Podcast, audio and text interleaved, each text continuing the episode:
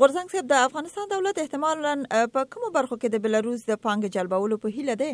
د افغانستان د اسلامي جمهوریت د ملي امنیت سلاکار ښاغلی محمد حنیف اتمر د خپل دې سفر په لړ کې دوه ملاقاتونه بلاروس جمهوریت کې درلودل د هغه هیواد له امنیتي او اقتصادي چارواکو سره د اقتصادي برخې چارواکو سره وکتل لیدنو کې په اقتصادي او ترانزیتي همکاریو مسایلو باندې خبرې وشولې. د افغانستان د دولت پالیسي دا ده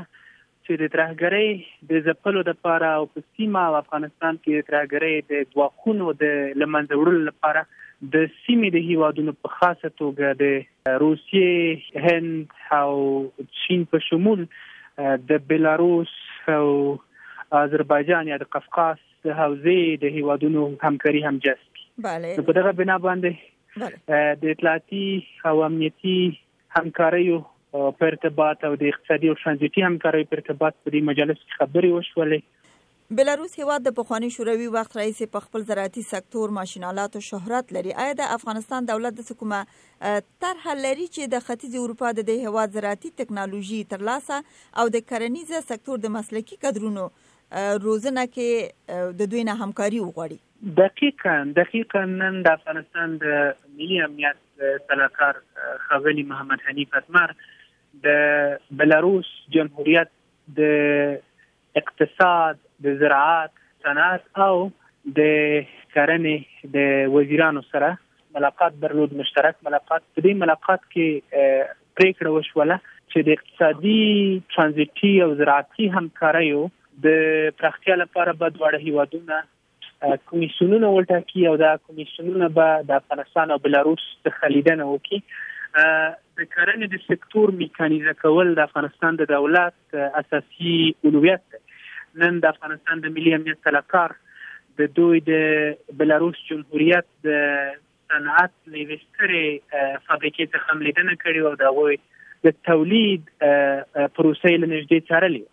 بنان د زراعت د سکتور په میکانیزه کولو کې د دوی نقش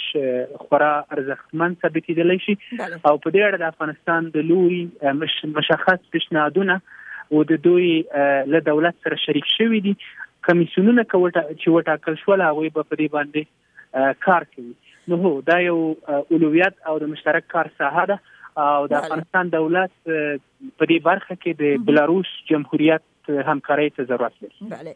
غورځنګ صاحب د کوم نظامی همکاریو یا راکړې ورکړې موافقه د بلاروس سره د امکاني د خصوصا د هوایي ځواکونو د تجهیز او تکمیل په برخه کې داسې څه وړاندیز هم شوی و نن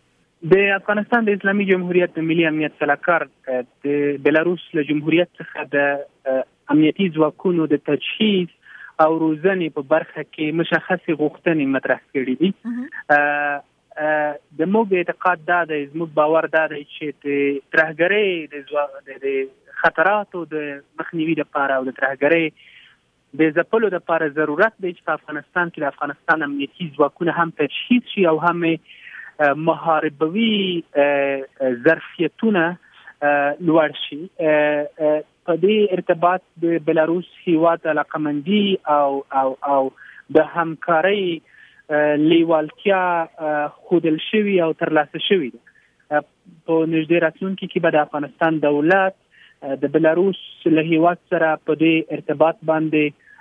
په مشخصو برنامو او پروګرامونو باندې کار وکړي نو بنان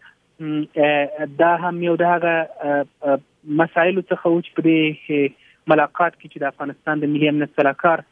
د بلاروس هیواد د ملي امنیت شورا د رئیس او د هغه هیواد د بهرنیو چارو له وزیر سره درلودلې د امنیتي او اطلاعاتي همکاریو د پراختیا په خاطر باندې مشخص او مفصل او او او هر اړخیز بحثونه شوي دي امیدوار یو چې د دې بحثونو نتیجه به په نږدې آینده کې ترلاسه شي یو پښتنه چې شاید اوریدونکو سره مطرح ولې د ملي امنیت صلاحکار تجارتي او ترانزیتي مسایل بحث کوي پر ځای حال کې چې د افغانستان د حکومت دواړه وزارتونه فعال دي آیا کومه اړتیا و دا مهال که څنګه د اقتصاد پراختیا د افغانستان د ملي امنیت لومړیتوب دی د افغانستان هر هغه ساحه چې د افغانستان د ملي امنیت له لومړیتوبونو سره ارتباط لري په هغه باندې د افغانستان د دولت له لوري تمرکز کېدلای شي د افغانستان د ملي امنیت سلاکار د افغانستان د اسلامي جمهوریت د جلالتماب ولسمشر په ځانګړي هدایت او د باندې د خاصو برنامو پروګرامونو سره د روسیې او د ختیځ اروپا د هیوادونو د سفر پیل کړی دی په بنان دلته اجنډا د دولت دا او د دولت د سطحې پر اجنډا او لومړیتوبونو باندې بحث کیږي او د افغانستان د جمهور رئیس جلالتماب ولسمشر د هدایت پر اساس باندې په دې ټولو مسایلو باندې په دې سفر کې خبرې کیږي هو زموږ د زراعت او اقتصاد سکتورونه خوشبختانه فعال دي او موږ دلته ښه ظرفیتونه لرو ولې هغه تخنیکی دلته یوازې ستراتیژي او پالیسي د سطحې مسایل مطرح کیږي د تخنیکی سطح او د عملیاتي سطح بحثونه به زموږ محترم وزارتونه پر مخ وړي نو بنان دا د پالیسي د سطح یا د همکارۍ د سطح بحثونه چې دا د افغانستان د ملي امنیت لومړیتوبونه بلل کیږي او په دې باندې د افغانستان د اسلامي جمهوریت د ځواکمن ولسمشر په هدایت او لارښوونه باندې بحثونه شوي دي بله ډیره مننه غورزنګ صاحب ژوندې اوسئ تشکر مننه